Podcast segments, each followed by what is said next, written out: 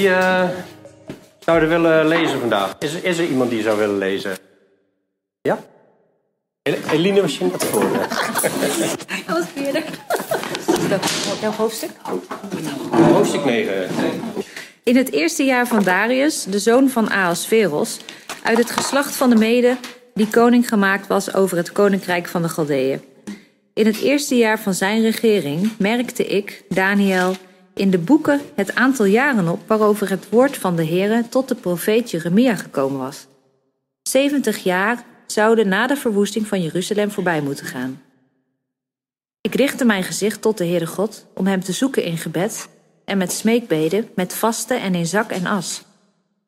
Ik bad tot de Heere mijn God en deed belijdenis en zei: Och Heere, grote en ontzagwekkende God, die zich houdt aan het verbond en de goedertierenheid ten aanzien van hen die hem liefhebben en zijn geboden in acht nemen.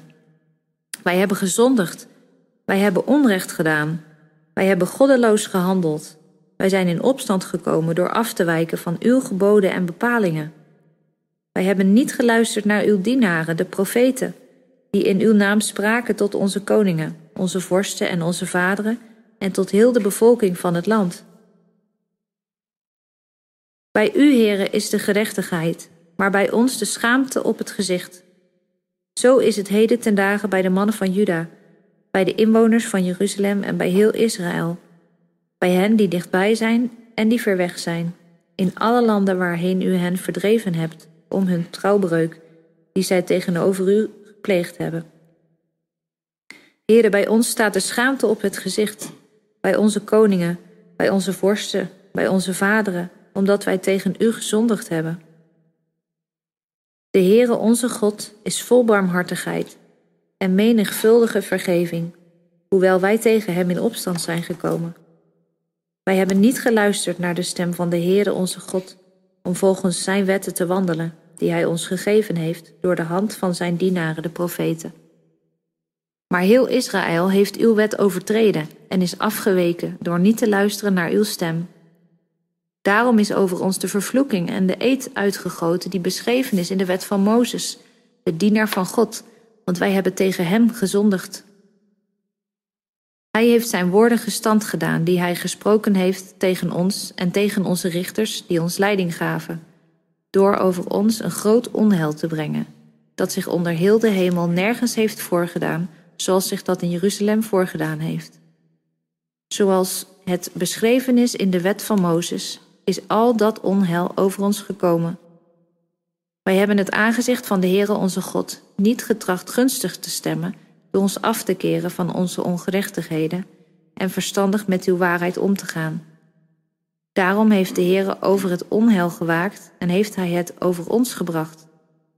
Want de Heere onze God is rechtvaardig in al zijn werken die hij gedaan heeft, aangezien wij naar zijn stem niet geluisterd hebben. Nu dan, Heere onze God, u die uw volk met sterke hand uit het land Egypte geleid hebt en u een naam gemaakt hebt zoals hij heden ten dagen is. Wij hebben gezondigd, wij hebben goddeloos gehandeld. Here, laat toch uw toorn en uw grimmigheid zich afwenden van uw stad Jeruzalem, uw heilige berg, op grond van al uw gerechtigheden. Want om onze zonden en om de ongerechtigheden van onze vaderen zijn Jeruzalem en uw, en uw volk tot smaad geworden voor alle die ons omringen. Nu dan, onze God, luister naar het gebed van uw dienaar en naar zijn smeekbeden. Doe omwille van de Heere uw aangezicht lichten over uw heiligdom dat verwoest is. Neig uw oor, mijn God, en hoor. Open uw ogen om onze verwoestingen en de stad te zien waarover uw naam is uitgeroepen. Want wij werpen onze smeekbeden niet voor u neer op grond van onze gerechtigheden, maar op grond van uw grote barmhartigheid. Heere, luister. Heere, vergeef. Heere, sla er acht op en doe het. Wacht niet langer, omwille van uzelf, mijn God. Over uw stad en over uw volk is immers uw naam uitgeroepen. Terwijl ik nog sprak en bad en belijdenis deed van mijn zonde en van de zonde van mijn volk Israël en mijn smeekbeden uitstortte voor het aangezicht van de Heere mijn God, omwille van de heilige berg van mijn God, Terwijl ik mijn gebed nog uitsprak, kwam de man Gabriel, die ik in het begin in het visioen gezien had, snel aangevlogen en raakte mij aan omstreeks de tijd van het avondoffer. Hij begon mij te onderwijzen en sprak met mij. Hij zei: Daniel, nu ben ik erop uitgegaan om u de betekenis te doen begrijpen. Bij het begin van uw smeekbeden is er een woord uitgegaan. En nu ben ik zelf gekomen om u dat te vertellen, want u bent zeer gewenst. Begrijp dan dit woord en krijg inzicht in het visioen. Zeventig weken zijn er bepaald over uw volk en uw heilige stad, om de overtreding te beëindigen, de zonde te verzegelen, de ongerechtigheid te verzoenen, om een eeuwige gerechtigheid tot stand te brengen, om visioen en profeet te verzegelen en om de heiligheid van heiligheden te zalven. U moet weten en begrijpen, vanaf de tijd dat het woord uitgaat om te laten terugkeren en om Jeruzalem te herbouwen, tot op Messias, de vorst, verstrijken er zeven weken en 62 weken. Plein en gracht zullen opnieuw gebouwd worden, maar wel in benauwde tijden. Na de 62 weken zal de Messias uitgeroeid worden, maar het zal niet voor hemzelf zijn. Een volk van een vorst, een volk dat komen zal, zal de stad en het heiligdom te gronden richten.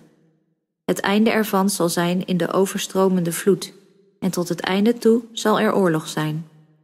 Verwoestingen waartoe vast besloten is. Hij zal voor velen het verbond versterken, één week lang. Halverwege de week zal hij slachtoffer en graanoffer doen ophouden. Over de gruwelijke vleugel zal een verwoester zijn, zelfs tot aan de voleinding, die vastbesloten uitgegoten zal worden over de verwoester. Ja, het is een uh, aardige labtekst. En uh, het laatste stukje, als je het voor het eerst leest, dan is dat ook wel wat uh, cryptisch waarschijnlijk. Maar dat wordt op een gegeven moment vanzelf wel duidelijk. Het begint in ieder geval in het eerste jaar van Darius, de zoon van Ahasveros.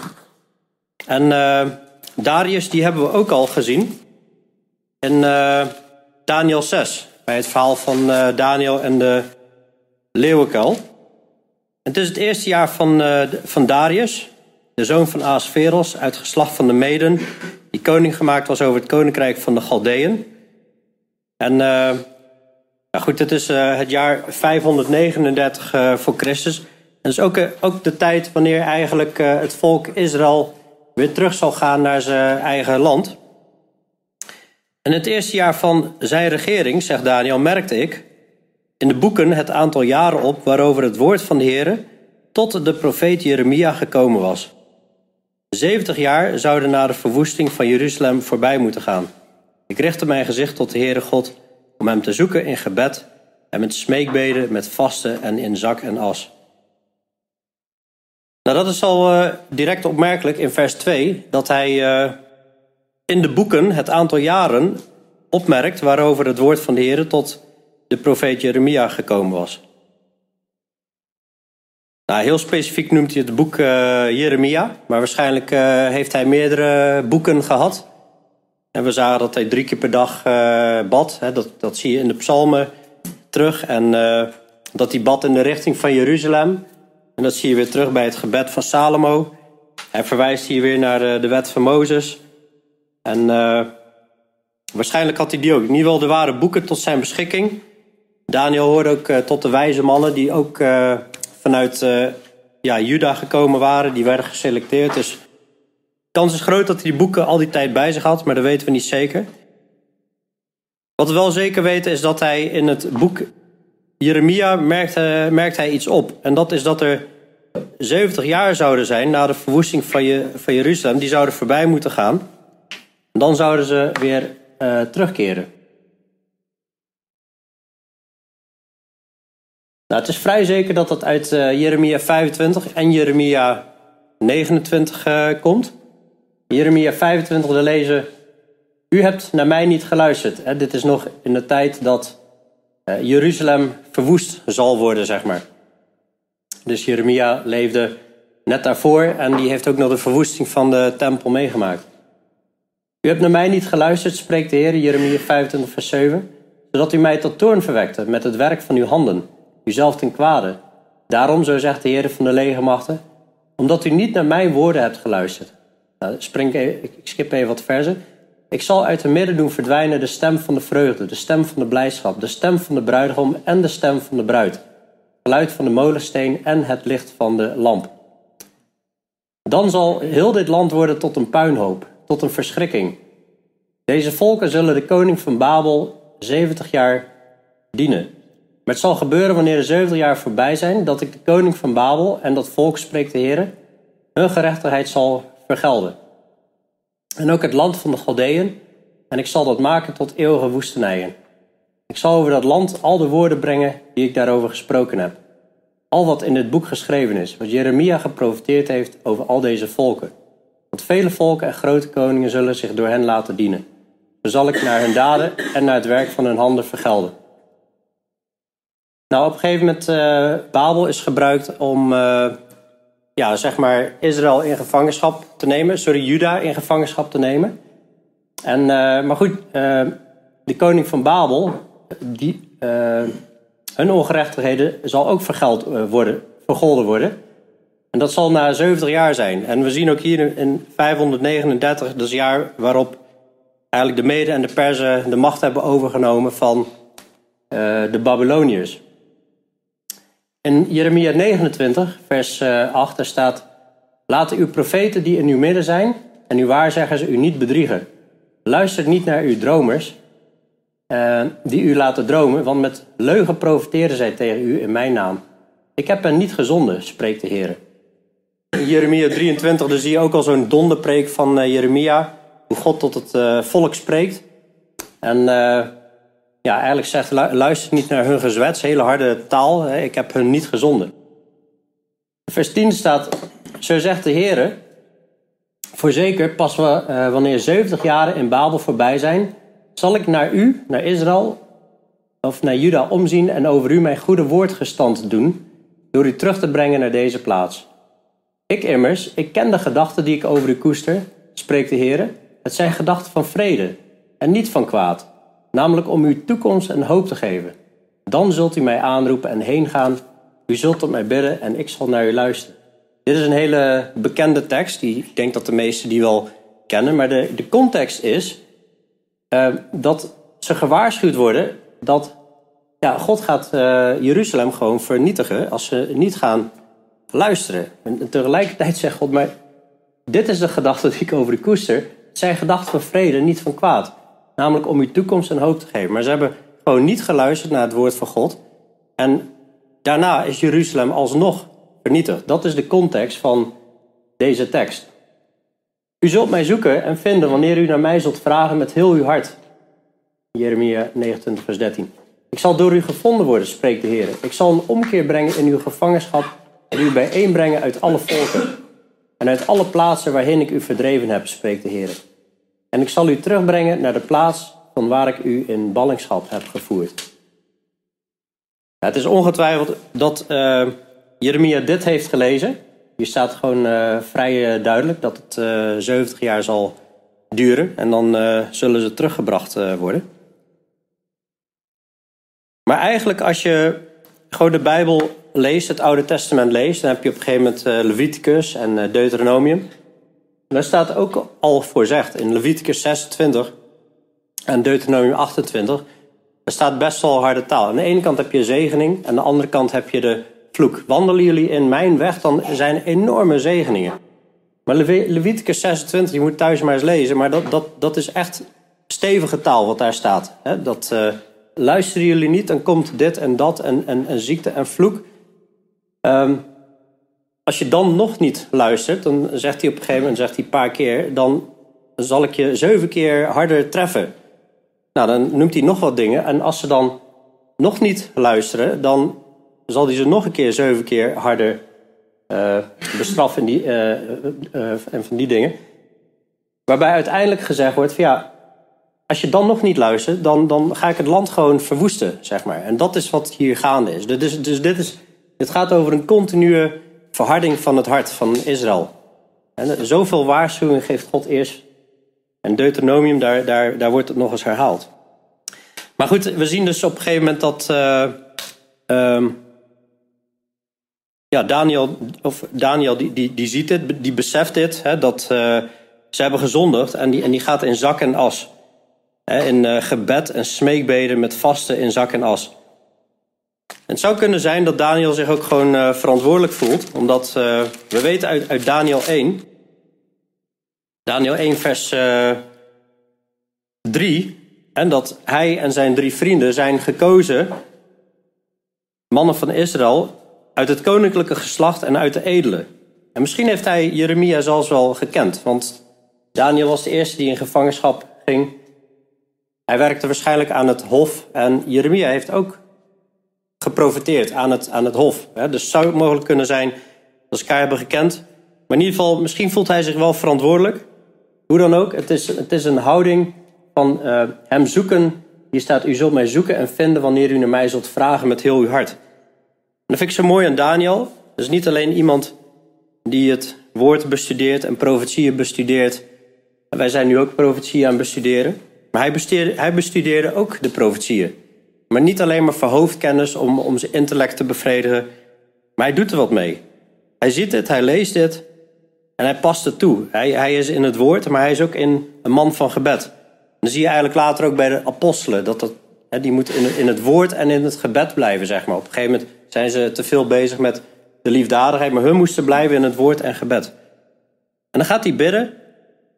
Vers 4: Ik bad tot de Heere mijn God en deed beleidenis en zei: Och Heere, grote en onzagwekkende God, die zich houdt aan het verbond en de goede tierenheid ten aanzien van hen die hem liefhebben en zijn geboden in acht nemen. Het is ook wel mooi om te zien hoe hij begint met het gebed om ja, God echt de eer te geven als grote en onzagwekkende God. Maar God is ook een persoonlijke God voor hem. Hij, hij noemt hem mijn God. Hij deed beleidenis en zei: Grote onzagwekkende God die zich houdt aan het verbond. Maar dus ook in de, in de dingen die God gezegd heeft: van ja, als je niet luistert, dan zal er vloek zijn. Het is terecht wat God heeft gedaan. De mensen hebben hem verworpen, zijn hard geweest, hebben niet geluisterd naar zijn stem, hebben niet geluisterd naar het verbond. Dus God houdt zich aan het verbond. Maar tegelijkertijd heeft God ook gezegd van ja, maar na 70 jaar, hè, dan, uh, dan zullen ze teruggaan. En, en, en daarom gaat hij zo in gebed. Die zich houdt aan het verbond en de goede tierenheid ten aanzien van hem die hem liefhebben en zijn geboden in acht nemen. Hij herinnert hem aan de goede tierenheid. De goede tierenheid, maar wel ten aanzien van hen die hem liefhebben en zijn geboden in acht nemen. En dat was nou precies het uh, probleem bij Israël. Hij begint meteen met zonde te beleiden. Wij hebben gezondigd. Wij weten nu ook op basis van 1 Johannes 1 vers 9... als iemand gezondigd heeft... en God is rechtvaardig en trouw dat hij de zonde zal vergeven. Maar het is ook interessant dat hij begon met mijn God... en hij switcht nu naar wij. Hij zegt niet onze God, onze vader, maar hij switcht naar wij. In één keer maakt hij het meervoud. Wij hebben gezondigd. Wij hebben onrecht gedaan. Wij hebben goddeloos gehandeld. Wij zijn in opstand gekomen door af te wijken van uw geboden en bepalingen. Wij hebben niet geluisterd naar uw dienaren, de profeten, die in uw naam spraken tot onze koningen, onze vorsten en onze vaderen en tot heel de bevolking van het land. Dus hij doet eigenlijk beleidenis voor het volk. Dat vind ik zo bijzonder dat Daniel dat doet. Dat is, dat is gewoon bijzonder dat hij um, een man is die, is die is niet steeds met zichzelf bezig. Die is bezig met Gods plannen. Gods plannen te bestuderen, onderzoeken. En ook daarvoor te bidden. Van niet, niet mijn wil, maar uw wil geschieden, zeg maar. Niet geluisterd, vers 6, naar uw dienaren. Dat waren de profeten. Dat was onder andere Jeremia, dat was Jesaja. Heel veel profeten zijn naar hun toegekomen. Naar de koningen, naar de vorsten en de vaderen, tot heel de bevolking van het land. Je ziet ook de profeten. Als je de profeten op een kaart uitzet, zeg maar, dan zie je ze op allemaal verschillende plekken door het land hebben ze eigenlijk uh, geprofiteerd over de tijd. Maar bij u, heren, is de gerechtigheid, vers 7. Maar bij ons de schaamte op het gezicht. Zo is het heden ten dagen bij de mannen van Juda, bij de inwoners van Jeruzalem en bij heel Israël. Nou, Israël was het noordelijke deel, Juda was het zuidelijke deel. En in Juda had je Jeruzalem, waar de tempel stond. waar hij eigenlijk eh, Gods naam over uitgeroepen had. Bij hen dichtbij, uh, sorry, uh, zo is het heden ten dagen bij de mannen van Juda, bij de inwoners van Jeruzalem en bij heel Israël. Bij hen die dichtbij zijn en die ver weg zijn.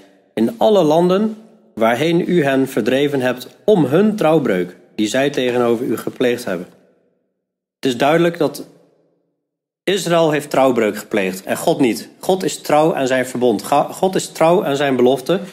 Net zoals hij trouw is aan ons verbond. Het verbond wat Jezus heeft ingesteld. Maar hier kunnen we ook uit leren, zijn wij wel trouw aan het verbond. Jezus heeft een nieuw verbond ingesteld. Daar denken we aan met het avondmaal. Dit is het bloed van mijn verbond. Vers 8, heren, bij ons staat de schaamte op het gezicht. Hij zei dat in vers 7 al. We ja, we schamen ons diep. Hier staat, hier staat weer, bij ons staat de schaamte op het gezicht. Bij onze koningen, bij onze vorsten, bij onze vaderen. Omdat wij tegen u gezondigd hebben. En hij schaart zichzelf daar ook onder. De Heere, onze God, is vol barmhartigheid en menigvuldige vergeving, hoewel wij tegen hem in opstand zijn gekomen. Je ziet steeds hoe hij God aanspreekt met zijn karaktereigenschappen, grote onzagwekkende God. En met goede tierenheid, barmhartigheid, menigvuldige vergeving. En dan zie je ook meteen, als je, als je mensen hebt die zeggen, ja goed, de Oude Testament was meer uh, de toorn van God en zo. En het Nieuw Testament, dat is meer uh, de genade. Dat is niet zo. In het Oude Testament vind je de toorn van God en de genade. Maar in het Nieuwe Testament vind je ook de toorn van God, maar ook de genade en de barmhartigheid van God. Want God is altijd dezelfde. Het verbond is alleen anders geworden. Hij is vol barmhartigheid en menigvuldige vergeving, hoewel we tegen hem in opstand zijn gekomen. We hebben niet geluisterd naar de stem van de Heere, onze God, om volgens zijn wetten te handelen, die hij ons gegeven heeft door de hand van zijn dienaren, de profeten. Hier zie je ook meteen dat het luisteren naar de stem van God, dat, is, dat staat gelijk aan luisteren naar zijn wetten, en zijn wetten en daarin te wandelen. Als wij Gods stem willen verstaan, dan gaan we naar zijn woord luisteren, naar zijn geboden. Maar heel Israël heeft uw wet overtreden, is afgeweken door niet te luisteren naar uw stem. Daarom is over ons de vervloeking en de eed uitgegoten, die beschreven is in de wet van Mozes, de dienaar van God, want wij hebben tegen hem gezondigd.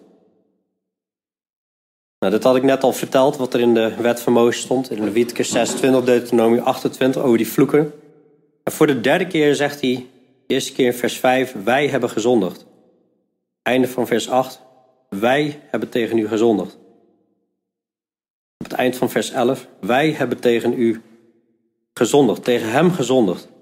En hij heeft zijn woorden bevestigd die hij gesproken heeft tegen ons.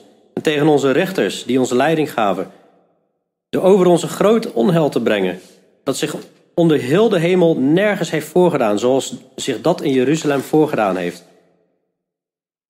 En dat was al voorzegd dat het heel erg zou worden. Als het volk continu maar in ongehoorzaamheid zou wandelen. En het is heel erg geweest. Het heeft zich nergens voorgedaan onder de hemel, wat in Jeruzalem zich heeft voorgedaan. Zoals beschreven is in de wet van Mozes, is al dat onheil over ons gekomen. Wij hebben het aangezicht van de Heere, onze God, niet getracht gunstig te stemmen, door ons af te keren van onze ongerechtigheden en verstandig met uw waarheid om te gaan. Zo zie je eigenlijk dat, ja, God is enorm genadig, enorm, enorm barmhartig. Maar o wee als wij niet verstandig met zijn waarheid omgaan. Als wij afwijken van zijn waarheid. Ze hebben niet getracht hem gunstig te stemmen door, door zich af te keren van de ongerechtigheden. En verstandig met uw waarheid om te gaan. Vers 14. Daarom heeft de Heer over het onheil gewaakt. En hij heeft het over ons gebracht. Omdat God dat beloofd had, dat onheil, heeft hij er ook over gewaakt. En dat over ons gebracht. Want de Heere onze God is rechtvaardig in al zijn werken, die hij gedaan heeft, aangezien wij naar zijn stem niet geluisterd hebben. Het, het, het klopt gewoon, het was gewoon part of the deal. Ze hebben een verbond met elkaar afgesproken. En het is rechtvaardig wat God gedaan heeft. En hij beleidt, wij hebben, nogmaals, wij hebben naar zijn stem niet geluisterd. Nu dan, Heere onze God, u die uw volk met sterke hand uit het land Egypte geleid hebt, en u een naam gemaakt hebt zoals hij heden ten dagen is. Wij hebben gezondigd voor de vierde keer. Wij hebben goddeloos gehandeld. Dan zie je meteen ook ja, een voorbeeld, dit is echt een voorbeeldgebed, hoe hij bidt en smeekt. En dat doet hij ondertussen met vasten en zak en as. Zak en as, dat stond voor echt rouw, rouwperiode. Zelfs als mensen overleden waren, gingen ze in zak en as. En hoe die continu herhaaldelijk eigenlijk naar God smeekt. En vers uh, eh, 5 tot 15 is hij sterk aan het beleiden wat ze hebben gedaan. En vanaf vers 16 en dan gaat hij eigenlijk vragen om genade. Hij wijst al naar de genade, hij wijst al naar de barmhartigheid. En hij zegt in vers 15 ook hè, dat het om zijn naam gaat. Hè? Nu dan, Heer onze God, u die uw volk met sterke hand uit het land Egypte geleid hebt en u een naam gemaakt hebt zoals wij ten uh, heden ten dagen, uh, zoals hij heden ten dagen is. Wij hebben gezondigd, wij hebben goddeloos gehandeld. Alle volken die wisten hoe, hoe groot God was, hoe grote werken hij, hij, had gedaan na wat er was uh, gebeurd in Egypte. En zo heeft hij een naam gemaakt. Maar zoals God in staat was Israël uit Egypte te leiden, zo is God natuurlijk ook in staat om in ieder geval Juda weer uit te leiden vanuit Babylon. Vers 16 zegt hij: Heere, laat toch uw toorn en uw grimmigheid zich afwenden van uw stad Jeruzalem. Uw heilige berg op grond van al uw gerechtigheden. Want om onze zonde en om de ongerechtigheden van onze vaderen zijn Jeruzalem en uw volk tot smaad geworden voor allen die ons omringen. Nu dan, onze God, luister naar het gebed van uw dienaar en naar zijn smeekbeden Doe omwille van de Heere uw aangezicht lichten over uw heiligdom dat verwoest is. Het gaat allemaal zo om het volk en zo om God en niet om Daniel. Dat valt hier zo enorm op. Doe omwille van de Heere uw aangezicht lichten over uw heiligdom. En dat het maar voor zijn heerlijkheid mag zijn. Dat zijn licht weer mag schijnen op de plek die verwoest is. Vers 18. Neig uw oor, mijn God, en hoor. Open uw ogen om onze verwoestingen en de stad te zien waarover uw naam is uitgeroepen. Want wij werpen onze smeekbeden niet voor u neer op grond van onze gerechtigheden, maar op grond van uw grote barmhartigheden. En dat is ook de enige grond waarop wij naar God kunnen komen, vanwege zijn grote barmhartigheden en zijn genade. En niet op grond van onze gerechtigheden. Als wij voor God komen en gaan zeggen wat voor goeds wij allemaal wel niet hebben gedaan, dan gaat hij ook op de weegschaal leggen wat wij niet goed hebben gedaan. En dan slaat de weegschaal heel zwaar door. Hij nadert tot, grond, tot God op grond van uw grote barmhartigheid. Dus continu uh, God herinneren aan zijn barmhartigheden. Here, luister. Vers 19. Here, vergeef. Here, sla er acht op en doe het. Wacht niet langer omwille van uzelf, mijn God. Over uw stad en over uw volk is immers uw naam uitgeroepen. Het draait allemaal om u. Het draait allemaal om God bij Daniel. Niet mijn wil, maar uw wil geschieden. Dat vind ik zo mooi. Dat bij Daniel zie je eigenlijk ook al van niet meer, niet meer ik, maar God leeft in hem. God, hij, het gaat allemaal om, om God. Is echt een uh, krachtig gebed. Hij doet dit voor het volk. En zijn gebed wordt eigenlijk ook uh, meteen verhoord. Dus op het moment dat Daniel nog sprak en bad in vers uh, eh, 20. En beleidenis deed van mijn zonde, zegt hij, en van de zonde van mijn volk. Hij heeft dus eerst zijn eigen zonde beleden. En van zijn volk en zijn smeekbeden uitstort voor het aangezicht van de Heere mijn God omwille van de heilige berg van mijn God? Terwijl ik mijn gebed nog uitsprak, kwam de man Gabriel, die ik in het begin in het visioen gezien had. Hij kwam snel aangevlogen en raakte mij aan, omstreeks de tijd van het avondoffer. Ik denk dat het ook gewoon goed is om te beseffen na dit gebed van, we bidden vaak voor onszelf, maar dat het ook gewoon goed is om te bidden voor de gemeente, de gemeentehuis van God, maar ook de gemeente wereldwijd. En wat maken we er eigenlijk ook met z'n allen een potje van, zeg maar. En we hebben eigenlijk heel weinig geleerd van Israël als je naar de gemeente kijkt wereldwijd. Er zijn veel valse profeten. Heel veel christenen gaan er achteraan, luisteren niet naar de stem van de Heer, kennen zijn woord niet.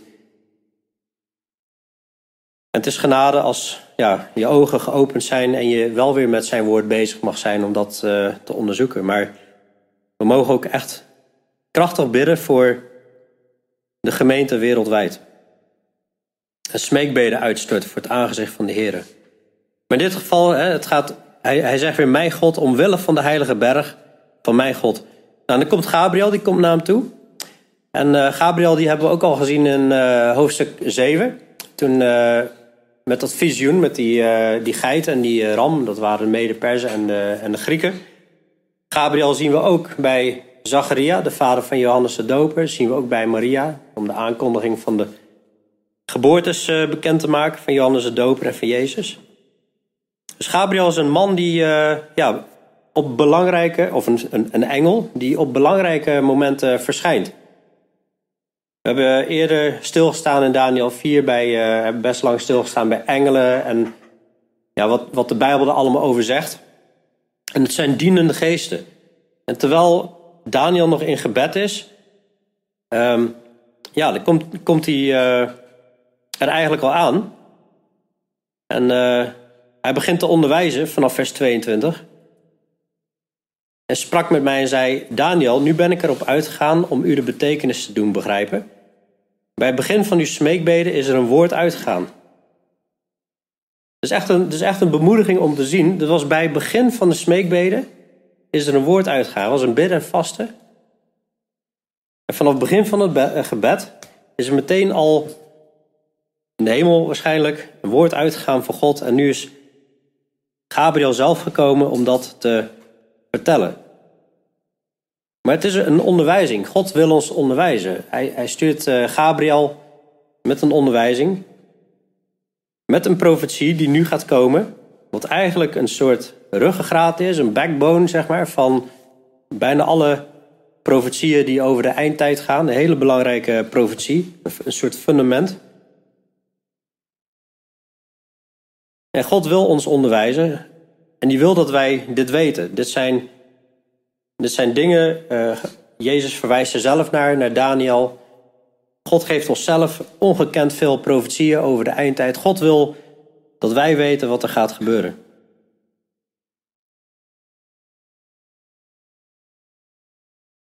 Nou, uh, vers 23. Bij het begin van uw smeekbeden is er een woord uitgegaan en nu ben ik zelf gekomen om u dat te vertellen. Want u bent zeer gewenst. Begrijp dan dit woord en krijg inzicht in het visioen.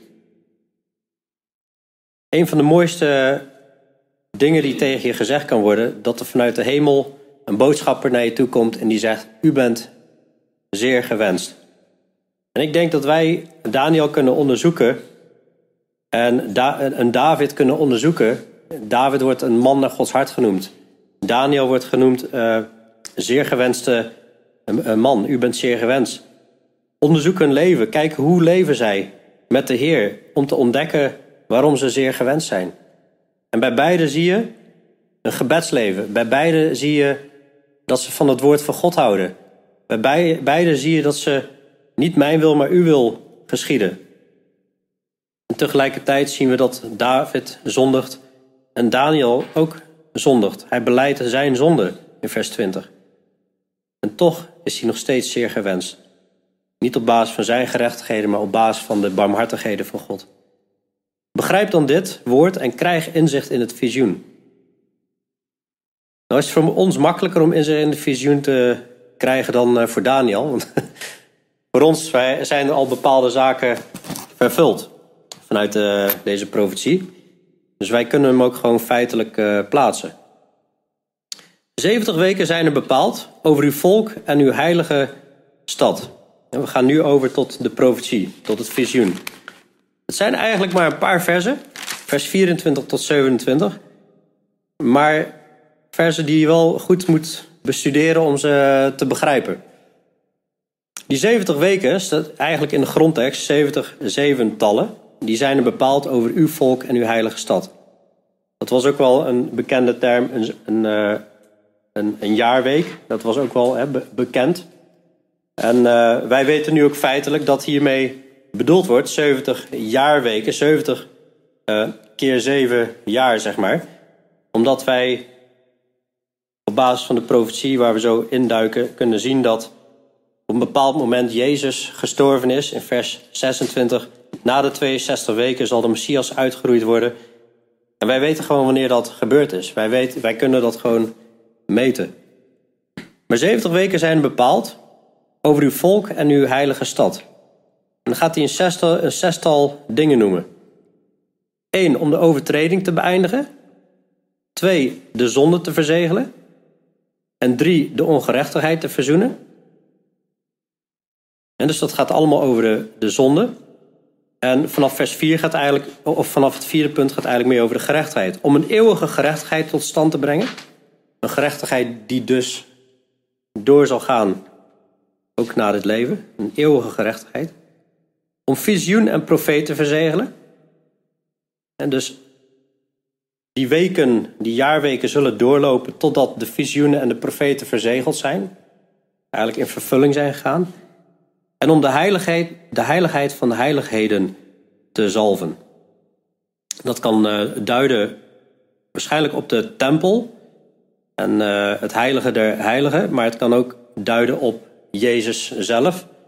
Maar goed, dat is ook, uh, Jezus is de vervulling van de hele tabernakeldienst en ook van het heilige der heiligen en ark van het verbond en de verzoendeksel. Dat is allemaal de troon van genade, dat is, wijst allemaal naar Jezus. Dus deze zaken moeten gebeuren. Hè? Dus Daniel is bezig met, uh, ja, eigenlijk wilt u ons vergeven? En dan gaat God eigenlijk duidelijk maken, ja, er, komt er komt een periode van 70 7 weken, van 490 jaar, om eigenlijk de zonde van het hele volk te, te gaan verzoenen, zeg maar. Want dit gaat over uw volk en uw heilige stad. Dus ook heel specifiek gaat dit over Israël. We zien daar in de openbaring dingen van terugkomen. Die profetie met betrekking tot deze tijd gaat over Israël. In vers 25. Dan zegt hij: U moet weten en begrijpen vanaf de tijd dat het woord uitgaat. om te laten terugkeren en om Jeruzalem te herbouwen. tot op Messias de vorst. Verstrijken er zeven weken en 62 weken. Plein en gracht zullen opnieuw gebouwd worden, maar wel in benauwde tijden. Dus we zien hier heel duidelijk een vanaf en een tot. Nou, als je een vanaf hebt, een, een vanaf hebt en een tot, zeg maar, dan kun je een tijdlijn uit gaan zetten. Hij zegt ook hoe lang dat gaat duren. En vanaf de tijd dat het woord uitgaat om te laten terugkeren en om Jeruzalem te herbouwen, tot op Messias, de vorst, verstrijken er zeven weken en 62 weken. Dat zijn 69 weken. Dus uh, eh, 70 keer 7 is 490 jaar. En dan gaat één jaarweek vanaf, dus 483 jaar. 483 jaar gaan verstrijken. Vanaf het moment dat het woord uitgaat om te laten terugkeren en om Jeruzalem te herbouwen. Dus op een gegeven moment zal er een bevel uitgegeven worden, een bevel gegeven worden dat de Joden terugkeren naar Israël. Oh, en en uh, om, te, om Jeruzalem te herbouwen. Nou, dan gaan we natuurlijk even bekijken deze berekening. Um, het betreft hier het herstel van Jeruzalem. En niet direct uh, het herstel van de tempel. Uiteind, uiteindelijk wel. Maar er zijn meerdere bevelen uh, gegeven. Koning Kores heeft een uh, bevel gegeven. En dat is um, ja, eigenlijk om de tempel te herbouwen. Zo zijn er drie lichtingen geweest waarin eigenlijk Joden weer teruggestuurd werden. Maar er was één lichting, dat was een bevel van Artasasta. En dat staat in Nehemia 2, vers 5 uh, eh, tot 8. Dus het is even iets technischer hoor, dit stukje. Maar ja, goed, uh, het is een rekensom om te laten zien hoe betrouwbaar Gods woord is. Maar als je hem één keer vat, dan is het wel echt super gaaf. In Nehemia 2, vers 5 tot, tot 8 En daar wordt eigenlijk een bevel gegeven door Arthasasta. Um, dat is het jaar 445 voor Christus. Sommigen zeggen 444, maar goed, nu, we houden even 445 voor Christus aan. En dat is in maart. En dan wordt eigenlijk bevel gegeven aan Nehemia om terug te gaan. En uh, ja, dan gaat hij de muren van Jeruzalem herbouwen en de, en de huizen. En dus dat gaat echt over de herbouw van Jeruzalem. En de eerste ging alleen maar specifiek over de tempel. Hier gaat het over terugkeren om Jeruzalem te herbouwen. Pleinen en grachten zullen opnieuw gebouwd worden, maar wel in benauwde tijden. Dus de start is in uh, maart 445 voor Christus. Dan heb je 69 jaarweken, dat is 483 jaar. Alleen als je 445 plus 483 zou doen, of ja, naar voorbij na Christus, dan kom je iets te, te ver uit. We weten ook vanuit vers uh, eh, 26 en ook vanuit vers 25 tot op Messias hè, zijn die 69 jaarweken. Dus het kan niet er voorbij schieten. Wij weten dat in 33 na Christus de Messias is uitgeroeid. Dat is een gegeven.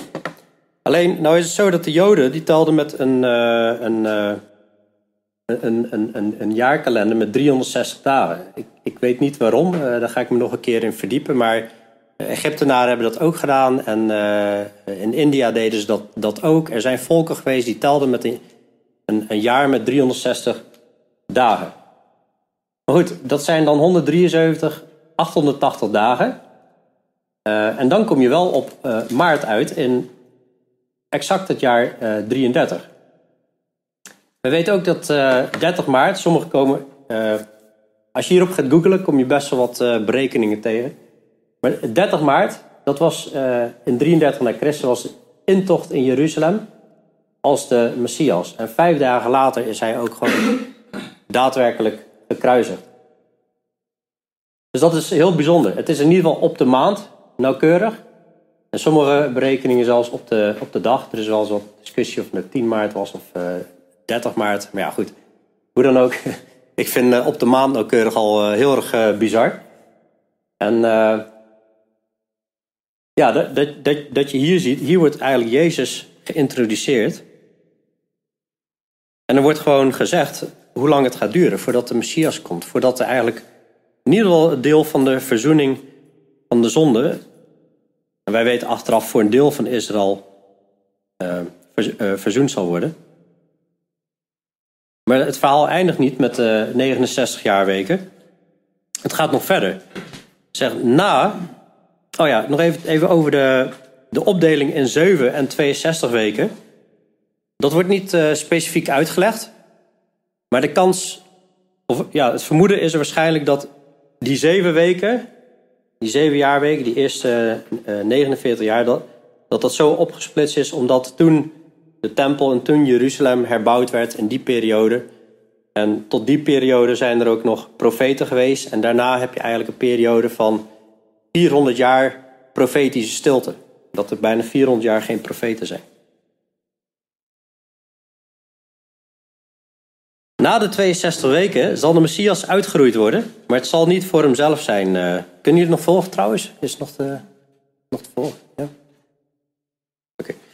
Na de 62 weken, dus na die 483 jaar, zal de Messias uitgeroeid worden, maar het zal niet voor hemzelf zijn. Het is ook belangrijk om te beseffen, het gebeurt dus niet in die 483 jaar, niet in die 69, 69ste jaarweek, maar erna. Maar het gebeurt ook niet in de laatste jaarweek. Hier lijken we dus, lijkt de tekst al dus al te duiden op een, een profetische knip. Na de 62 weken zal de Messias uitgeroeid worden, maar het zal niet voor hemzelf zijn. En wij weten ook dat het is voor de zonde ja, van, van uh, de wereld, zeg maar.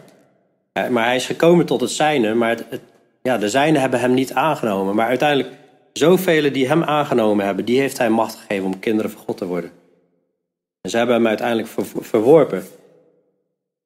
En dan zie je een volk van een vorst. Een volk dat uh, komen zal. Ja, een volk, dat is de tweede keer een volk staat niet in de grondtekst. Dus ja, zou ik zeggen, een volk van de vorst die komen zal, zal de stad en het heiligdom de gronden richten. Jezus spreekt hier ook over, over als ze vragen van ja, wanneer zal het einde zijn van al die dingen die gaan gebeuren?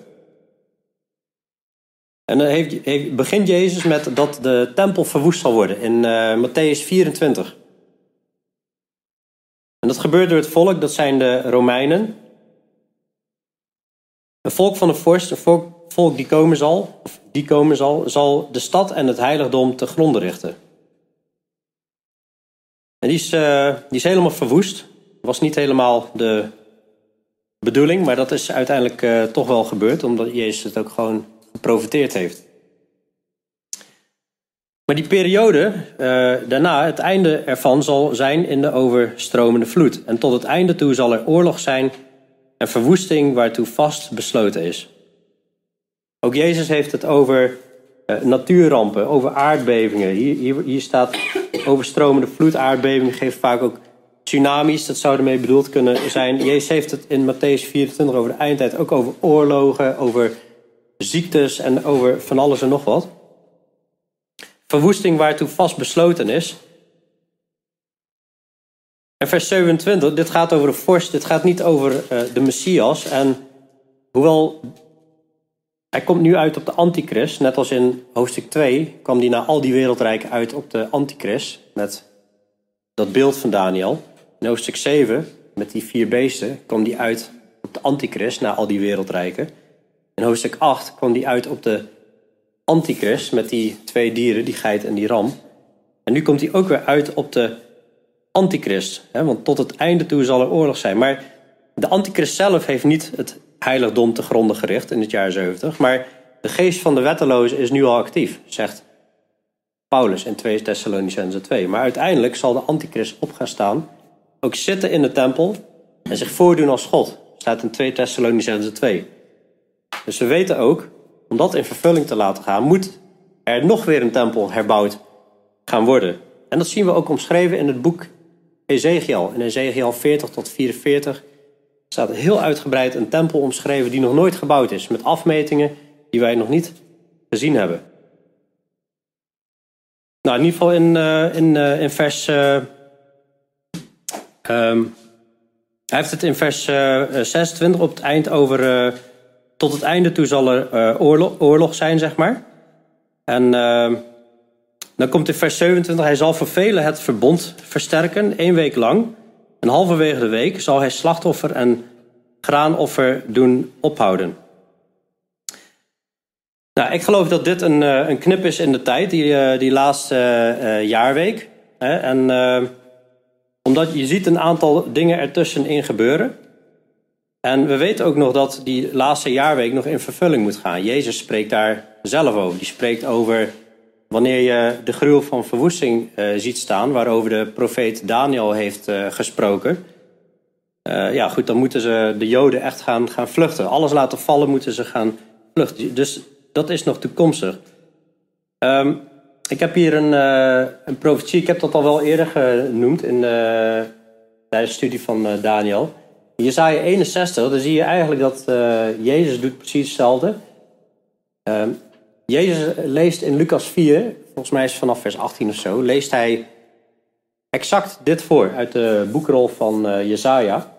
En dan zegt hij, de geest van de Heere, Heer is op mij, omdat de Heere mij gezalfd heeft om een blijde boodschap te brengen aan de zachtmoedigen. Hij heeft mij gezonden om te verbinden de gebrokenen van hart. Om voor de gevangenen vrijlating uit te roepen en voor wie gebonden zaten opening van de gevangenis.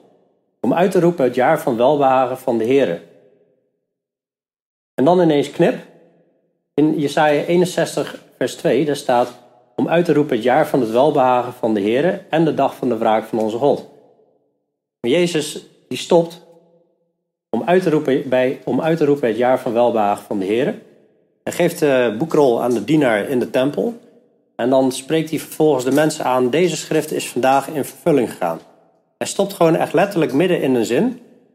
En de dag van de wraak van onze God, daar heeft hij pas later over. In Matthäus 24, andere eh, plekken over die grote verdrukking die gaat komen. Wat je eigenlijk ziet, je hebt soms in de profetie heb je een één berg, maar dan heb je ook nog een tweede berg.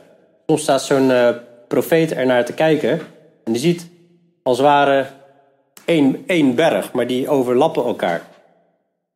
Wij weten nu achteraf dat je een eerste hebt van Jezus en een tweede komst van Jezus. En dat daar tussenin de gemeenteperiode zit. En ik geloof dat in vers 26, dan zie je na de 62 weken, zal de Messias uitgeroeid worden. Nou, dan gebeuren er allemaal dingen tot op het einde toe. En dan komt die laatste jaarweek nog, die grote verdrukking. En waar Jezus ook over spreekt. Een zeer grote verdrukking, waar Daniel 12 ook over, over spreekt. Maar dit, dit, dit is echt, de mensen zullen op een gegeven moment, dan zie je in openbaring, ik weet even niet meer uh, welk hoofdstuk, ik dacht hoofdstuk 6. En dan uh, zullen ze vluchten in de grotten en in de bergen. En dan, en roepen ze, oh bergen, val op ons. En uh, bescherm ons van de toorn van God en de toorn van het lam. want die ja, de dag van zijn toorn is aangebroken. Ze herkennen gewoon wat er gaande is. Ze weten het gewoon, maar ze bekeren zich niet. Dat is het, het erge. Ik had hem even verborgen, want omwille van de tijd, maar ik zal hem dan wel even voorlezen.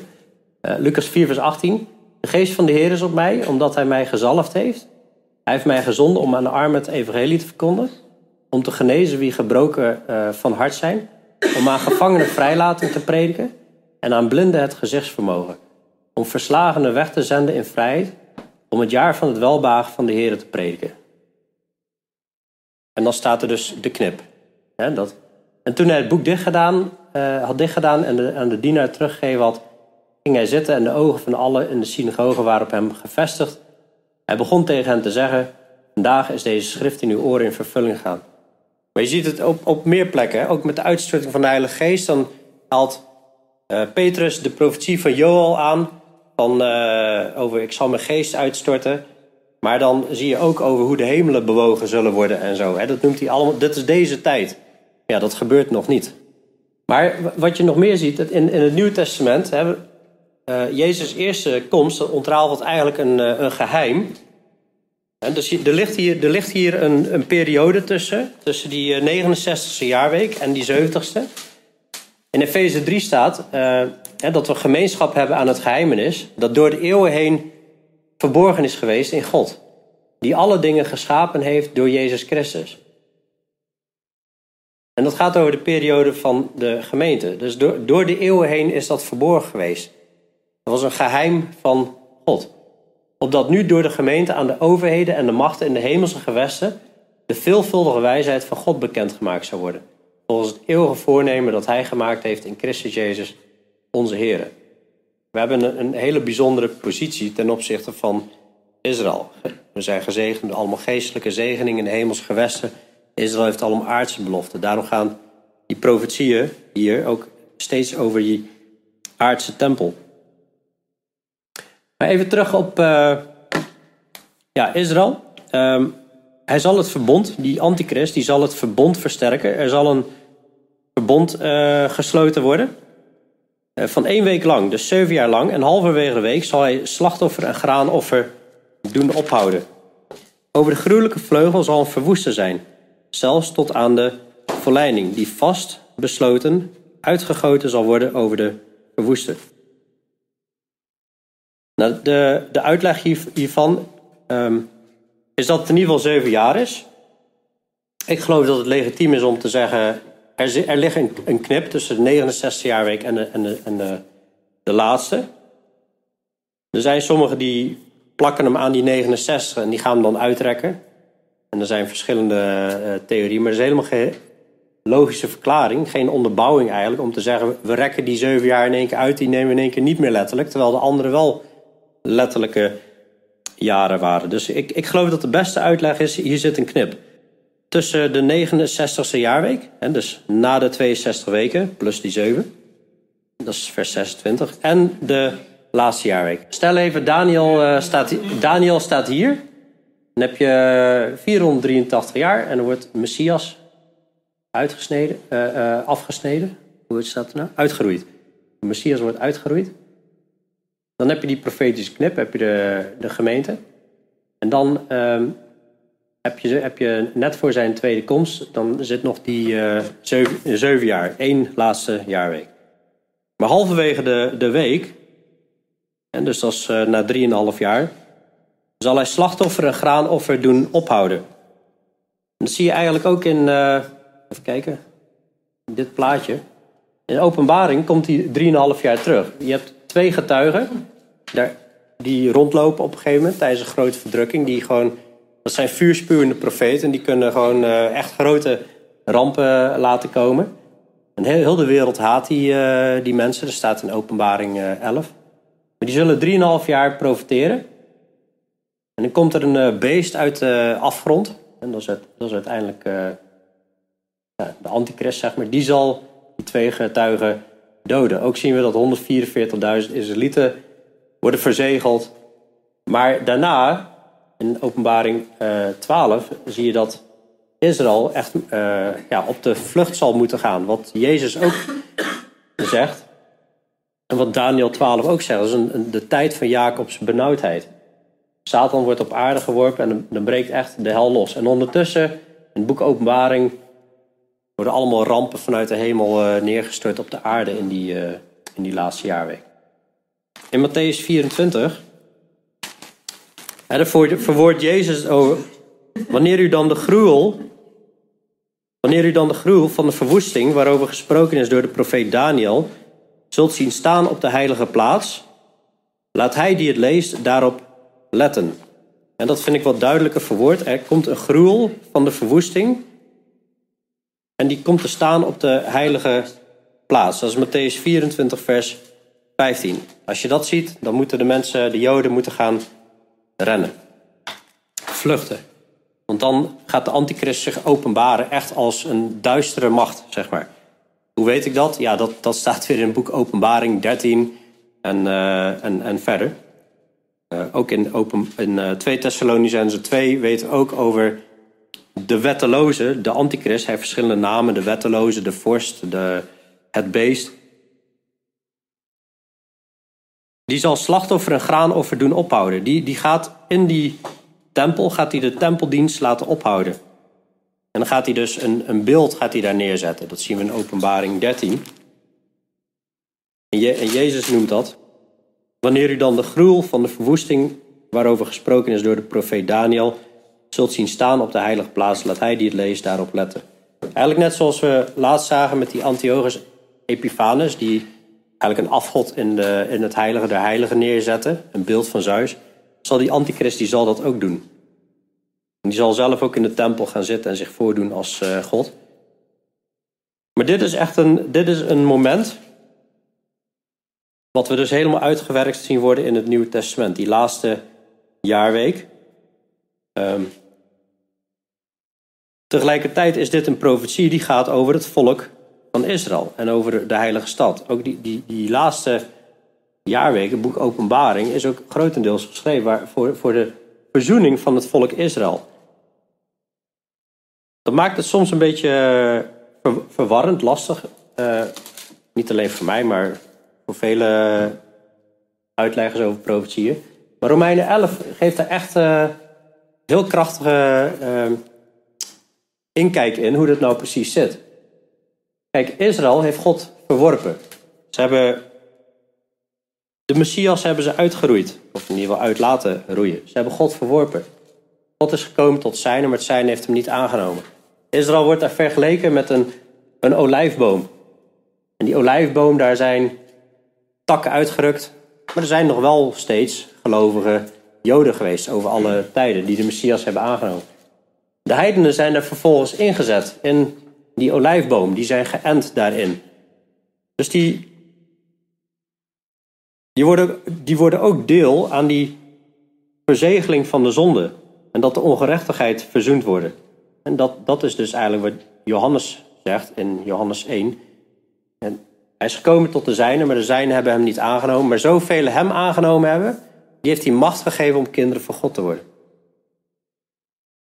Maar hij heeft ook gezegd dat, uh, daar staat ook dat, dat Israël nu in een geest van diepe slaap is.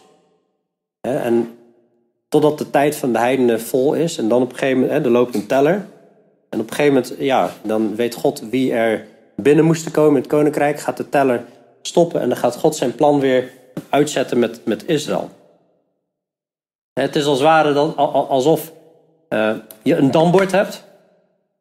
En uh, Nou, dat is, dat is Israël. En er staan damstenen op, zeg maar. God had een plan met Israël. En ja, het bord is dan de wereld, zeg maar. En uh, God heeft ze aan de kant gezet. God heeft ze nu aan de kant gezet, weer. Omdat ze weer ongehoorzaam zijn geweest. Ze zijn verstrooid over de volkeren. Maar het bizarre is, dat weten wij ook, hè, dat Israël is ineens weer een staat geworden in 1948. In de tussentijd zou je kunnen zeggen, is de gemeente er? Als een schaakspel wat op dat bord uh, zich plaatsvindt. Maar ineens zien wij weer die stenen verschijnen, die damstenen. En God gaat straks verder met Israël. En ik geloof dat wij voor die tijd opgenomen worden, voor die grote verdrukking. Maar de opname, goed, dat is weer een onderwerp op zich. Ik geloof dat die voor de grote verdrukking plaatsvindt, de opname van de gemeente. Staat in 1 Thessalonians 4, worden een moment van, van opname. Een ontmoeting met Jezus op de wolken. En hier komt Jezus echt daadwerkelijk op de aarde. Dus ja, je ziet, uh, Daniel 2 was het beeld. Daniel 7 waren die vier beesten. Daniel 8, dat waren die bok en die, en die ram. Maar alles eindigt met die antichrist en uiteindelijk Jezus die de heerschappij over gaat nemen hier op aarde. Ik hoop dat het een beetje te volgen was, dat laatste stukje. Ik hoop niet dat het te verwarrend was geworden. Ik wil uiteindelijk nog het boek Openbaring gaan behandelen en dan kun je er in detail wat rustiger heen. Ehm, dan hebben we iets meer uh, de tijd, zeg maar. Maar goed, eh, heel veel meer erover uitleggen over vers 27 dan. Uh, nu kan ik ook niet op basis van dit, uh, dit stuk. Er valt nog veel meer over te zeggen, maar het wordt te, ingewikkeld. Nou, wat, wat leren we hier weer uit? Ik denk, ja, wat we vorige keer ook zagen. De Heer doet niets tenzij hij zijn geheimenis heeft geopenbaard en zijn dienaren, de profeten. We zien hoe nauwkeurig eigenlijk God een klok, een agenda heeft ingezet. Tot wanneer de Messias uitgeroeid zou worden. En God komt extreem nauwkeurig belofte na. God is een trouwgod. Een andere toepassing is dat we, we hebben Jezus gezien en ook zijn verlossingswerk. Dat God hier al nog steeds bezig was met de Messias te sturen, ondanks dat eigenlijk het volk van God heel ongehoorzaam was. En dit mag ons geloof en vertrouwen in Gods woord uh, ja, versterken. Het geeft inzicht in uh, Gods plannen. En de vraag is, stellen wij ons vertrouwen op Gods hele woord? En zijn we bereid te gehoorzamen? We hebben gezien hoe het afgelopen is met Israël. Paulus zegt zelf van ja, het, het is geschreven als al die dingen die Israël zijn overkomen, zijn geschreven als een waarschuwend voorbeeld. Nou, als we het boek Openbaring uh, gaan behandelen, dan uh, gaan we wel dieper op in. Maar ik, ik, ik, ik denk even in, in de kern over die profetie. Er is een bepaald moment is er uh, gezegd, de profetie gaat in. Er is een bepaald moment wanneer het stopt. En dat was bij de intocht in Jeruzalem. En er is nog een profetie te vervullen. Een periode van uh, zeven jaar. En dat is de kern van het verhaal, denk ik. Uh. Ik ben me van bewust dat uh, het, is een, het is een lastig stukje, maar het is ook lastig om uit te leggen. Maar goed, ik hoop dat het in ieder geval een beetje geland is en bevat is.